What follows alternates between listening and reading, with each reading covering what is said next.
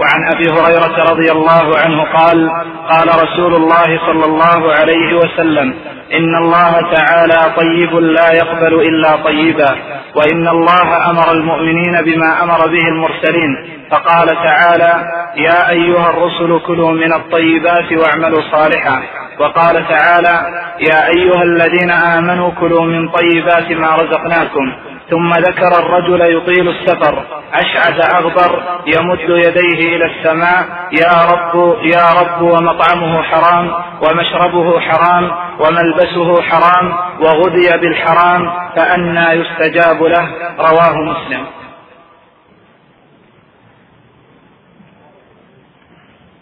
هذا الحديث أيضا من الأحاديث التي قيل فيها إنها أصل من أصول الدين.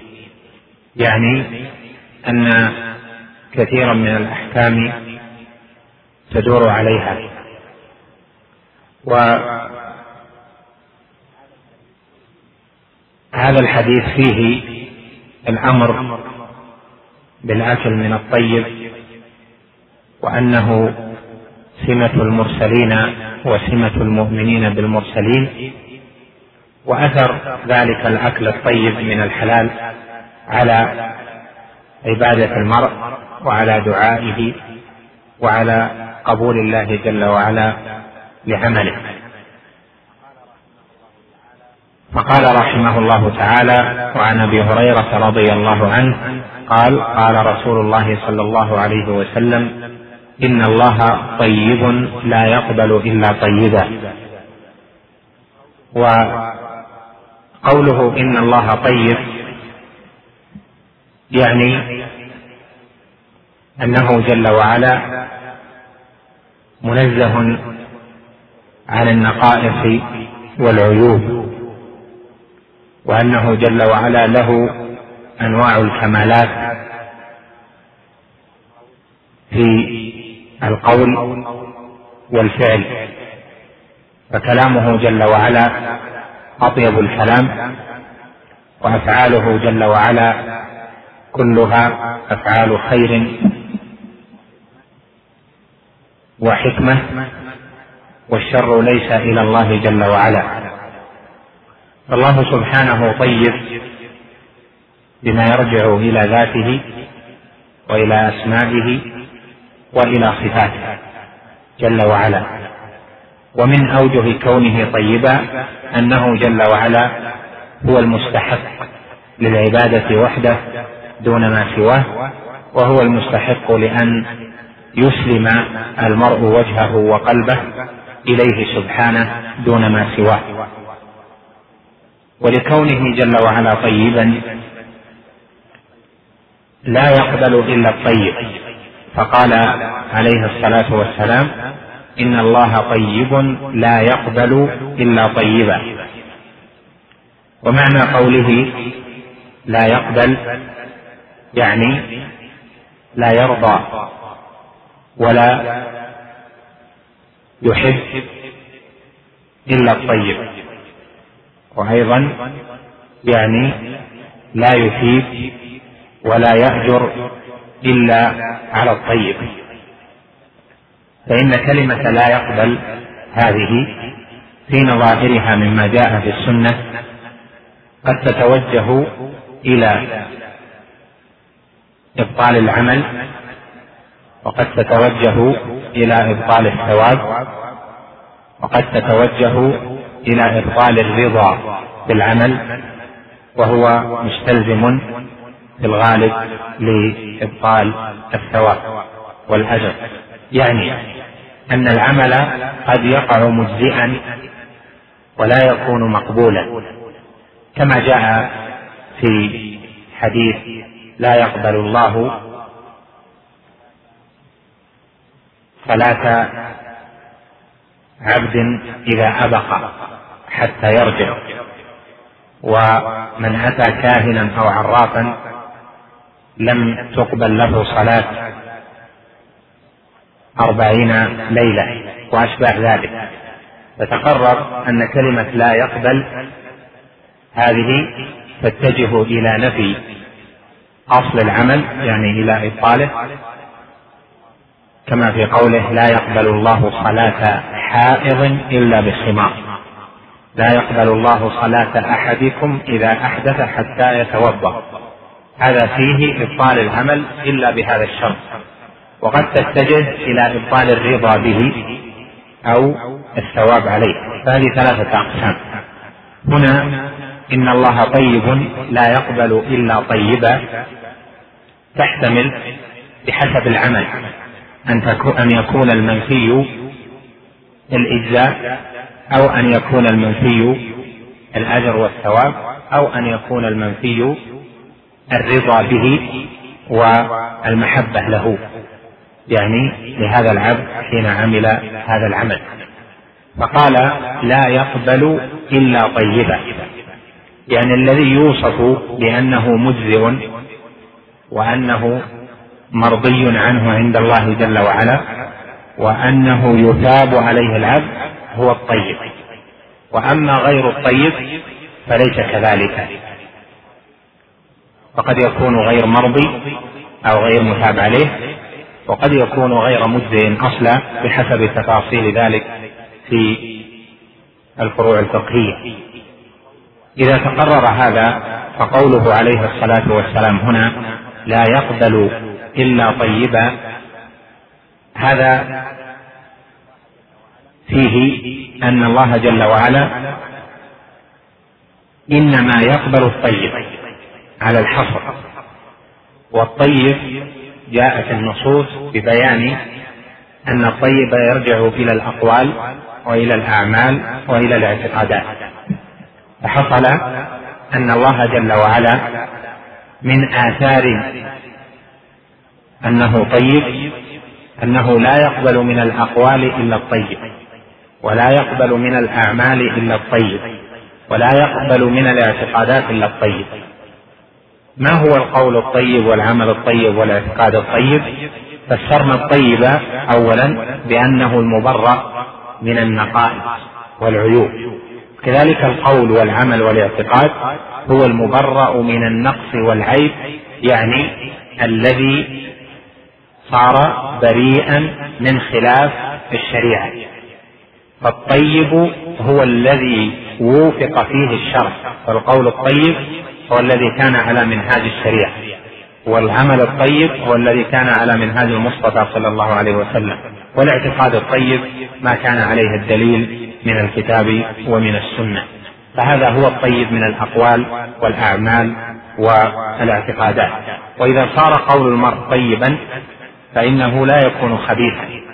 والخبيث لا يستوي والطيب كما في آية المائدة قل لا يستوي الخبيث والطيب ولو أعجبك كثرة الخبيث. وكذلك في الأعمال والاعتقادات فنتج من ذلك أن العبد إذا تحقق بالطيب في قوله وعمله واعتقاده صار طيبا في ذاته. والطيب له دار الطيبين كما قال جل وعلا الذين تتوفاهم الملائكة طيبين. ومن صار عنده خبث في بدنه وروحه نتيجة لخبث قول أو خبث عمل أو خبث اعتقاد ولم يغفر الله جل وعلا له فإنه يطهر في يطهر بالنار حتى يدخل الجنة طيبا لأن الجنة طيبة لا يصلح لها إلا الطيب. وهذا في الحقيقة فيه تحذير شديد ووعيد وتخويف من كل قول أو عمل أو اعتقاد خبيث يعني لم يكن على وفق الشريعة. فالطيب هو المبرأ من النقص.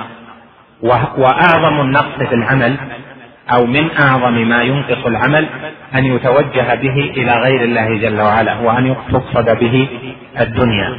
فتحصل هنا أن قوله إن الله طيب لا يقبل إلا طيبا يعني لا يقبل من العمل والقول والاعتقاد إلا ما كان على وفق الشريعة وأريد به وجهه جل وعلا. هذا حاصل تعريف الطيب لأن العلماء نظروا في كلمة طيب في وصف الله جل وعلا وفيما يقابلها وتنوعت أقوالهم والذي يحقق المقام هو ما ذكرته له. قال عليه الصلاة والسلام وإن الله أمر المؤمنين بما أمر به المرسلين. المرسلون أمروا وأتباع المرسلين الذين هم المؤمنون أمروا أيضا بما أمر به المرسلون. فقال جل وعلا في آية في قوله يا أيها الرسل كلوا من الطيبات واعملوا صالحا. في آية المؤمنون وقال جل وعلا في وصف المؤمنين أو في أمره للمؤمنين في آية البقرة يا أيها الذين آمنوا كلوا من طيبات ما رزقناكم. فأمر المؤمنين بأن يأكلوا من الطيبات وأمر المرسلين بأن يأكلوا من الطيبات وأمر الجميع بأن يعملوا صالحا. وهذا يدل على أثر أكل الطيبات في العمل الصالح لأن الاقتران في قوله يا أيها الرسل كلوا من الطيبات واعملوا صالحا لأن الاقتران يدل على أن بينهما صلة والصلة ما بين أكل الطيب والعمل الصالح هي تأثير الأكل الطيب في العمل الصالح. ولهذا قال كثير من أهل العلم إن العمل لا يكون صالحا حتى يكون من مال طيب. فالصلاة لا تكون صلاة صالحة مقبولة حتى يكون فيها الطيب من الأقوال ويكون لباس المرء طيب ويكون تخلص من الخبيث من النجاسات وغيرها إلى آخر ذلك. والزكاة لا تكون مقبولة حتى تكون طيبة بأن تكون عن نفس طيبة وأن لا يراد بها رياء ولا سمعة إلى آخر ذلك. والحج كذلك. فمن حج من مال حرام لم يقبل حجه لأن الله جل وعلا لا يقبل إلا الطيب. ثم ذكر عليه الصلاة والسلام مثالا من أمثلة تأثير الأكل الطيب في بعض الأعمال الصالحة وأثر أكل الحرام في بعض الأعمال الصالحة. فقال أبو هريرة رضي الله عنه ثم ذكر يعني النبي عليه الصلاة والسلام الرجل يطيل السفر أشعث أغبر يمد يديه إلى السماء يا ربي يا ربي أو يا رب يا رب ومطعمه حرام ومشربه حرام ومأكله حرام وملبسه حرام وغذي بالحرام فأنى يستجاب لذلك. قال ثم ذكر الرجل يطيل السفر أشعث أغبر يمد يديه إلى السماء. ذكر هذه الصفات لأن هذه الصفات مظنة الإجابة فالسفر من أسباب إجابة الدعاء. قد جاء في الحديث الحسن أن النبي صلى الله عليه وسلم قال ثلاثة يستجاب لهم. وذكر منهم المسافر. فالسفر من أسباب الإجابة. وهذا قد تعرض لسبب من أسباب الإجابة وهو السفر. ووصفه بقوله يطيل السفر. وإطالة السفر تعطي كثيرا من الاغتراب وفيه انكسار النفس وحاجة النفس إلى الله جل وعلا إذا كان السفر للحاجة. قال يطيل السفر يعني من حاجته. يحتاج إلى السفر في معيشته يحتاج إلى السفر في أموره. وإلا فإن المرء لا يختار إطالة السفر إلا لحاجة. قال يطيل السفر أشعث أغبر. وهاتان الصفتان تدلان على ذلته وعلى استكانته. وهذه يحبها الله جل وعلا. وكان بعض السلف إذا أراد أن يدعو لبس شيئا خلقا ولم يتزين وإنما صار أشعث ثم توجه في خلوة ودعا الله جل وعلا وقال إنه أقرب للإجابة. لما في هذه الصفة من انتفاء الكبر وقرب التذلل والاستكانة وهذه يكون معها الاضطرار والرغب وعدم الاستغناء. فذكر عليه الصلاة والسلام هذه الصفة فقال أشعث أغبر. يمد يديه إلى السماء وهذه الصفة أيضا ثالثة لأنه يمد يديه إلى السماء في رغبة أن يكون أتى بما يجاب معه دعاء ورفع اليدين في الدعاء سنة كما سيأتي بيان بعض ذلك. قال ثم يقول يمد يديه إلى السماء يا رب يا رب. وذكره هنا يا رب مكررة. ويجوز أن تقول يا ربي على حذف الياء أو يا رب على القطع. في تكريرها ذكر لصفة الربوبية. ومعلوم أن إجابة الدعاء من آثار ربوبية الله جل وعلا على خلقه.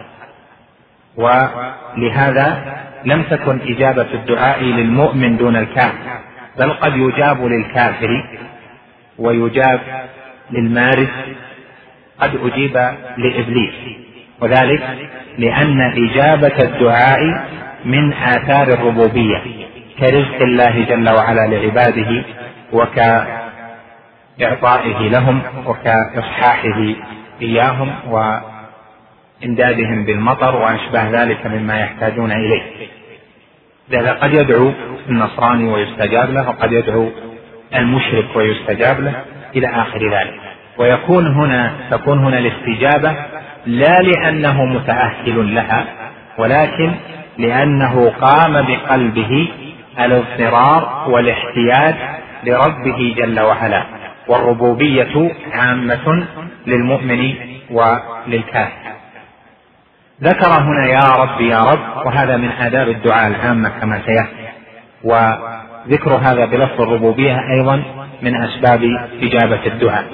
قال في وصف حاله مع أنه تعرض لهذه الأنواع مما يجاب معه الدعاء قال في وصف حاله ومطعمه حرام ومشربه حرام وملبسه حرام وغذي بالتخفيف. وغلط من من يقولها بالتشديد غذي لا هي غذي من الغذاء غذي بالحرام فأنى يستجاب لذلك. يعني فبعيد ويتعجب أن يستجاب لذلك وهو على هذه الحال. فمن كان ذا مطعم حرام وذا مشرب حرام وذا ملبس حرام وغذي بالحرام فهذا يستبعد أن يستجاب له.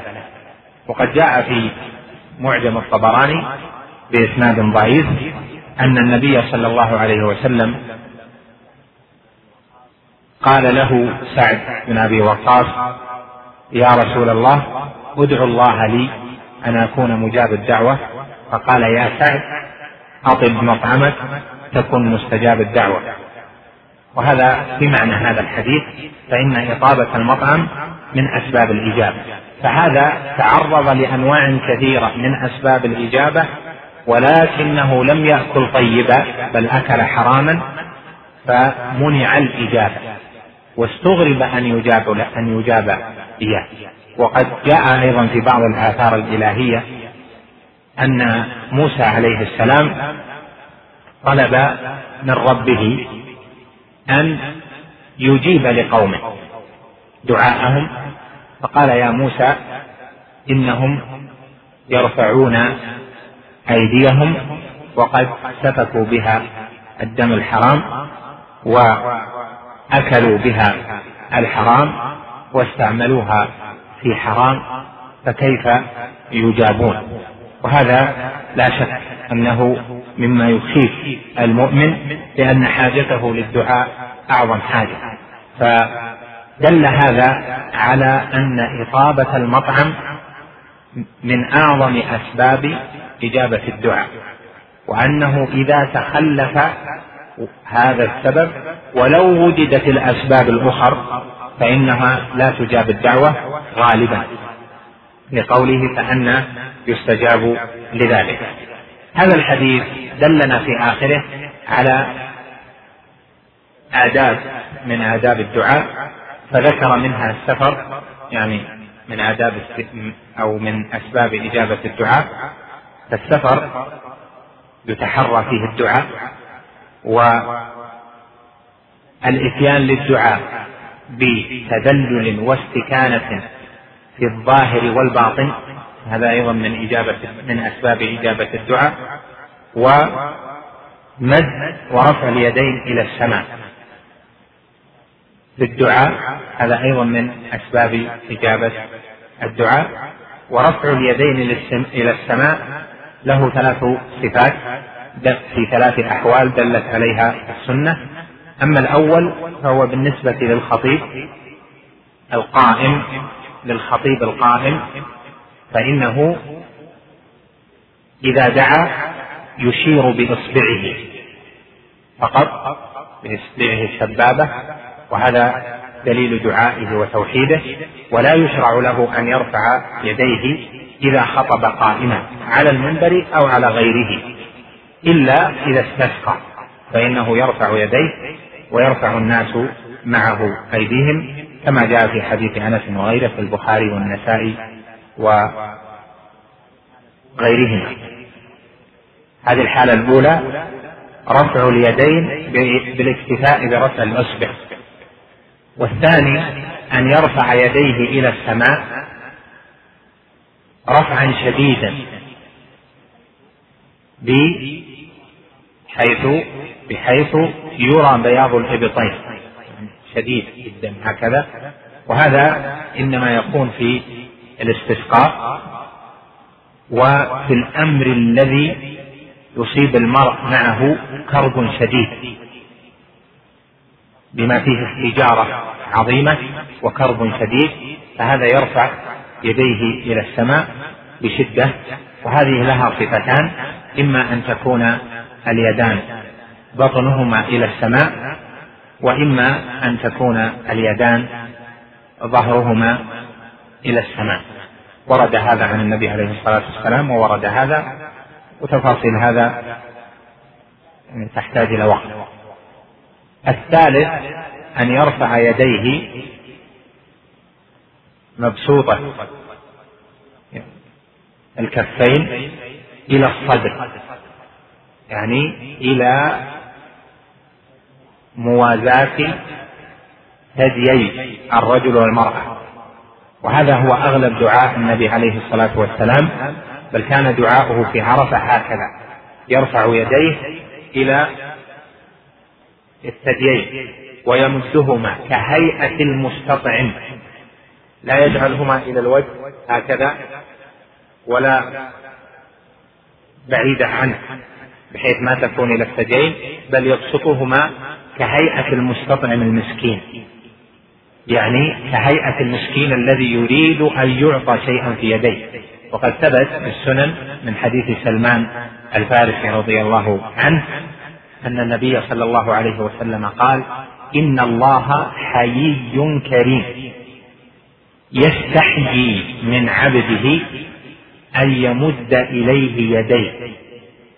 يطلب فيهما خيرا فيردهما. صفرا خائبتين فيردهما صفرا خائبتين.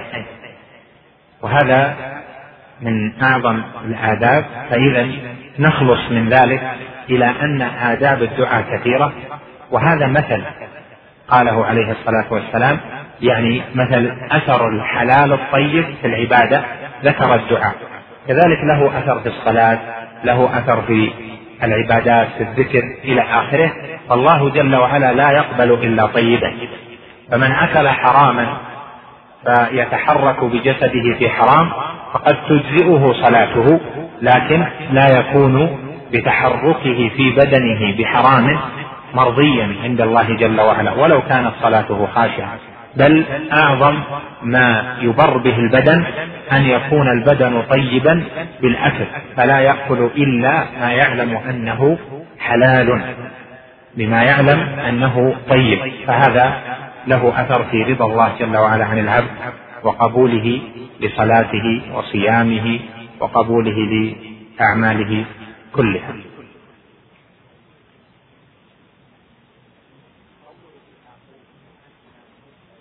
قوله في آخره فأنى يستجاب لذلك أن يستجاب لذلك يعني عجيب وبعيد أن يستجاب له.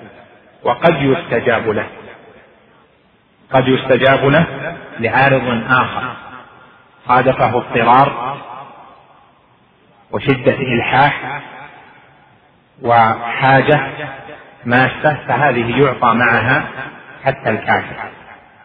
فإذا ركبوا في الفلك دعوا الله مخلصين له الدين. فلما نجاهم إلى البر إذا هم يشركون. المشرك قد يستجاب له وكذلك المؤمن العاصي الذي يأكل الحرام قد يستجاب له لكن في حالات قليلة وذلك إذا كان معها حالة الاضطراب. أو شفع له غيره وكان مع مجاب الدعوة فأمن عليه أو ما شابه ذلك من الاستثناءات التي ذكرها أهل العلم. หนั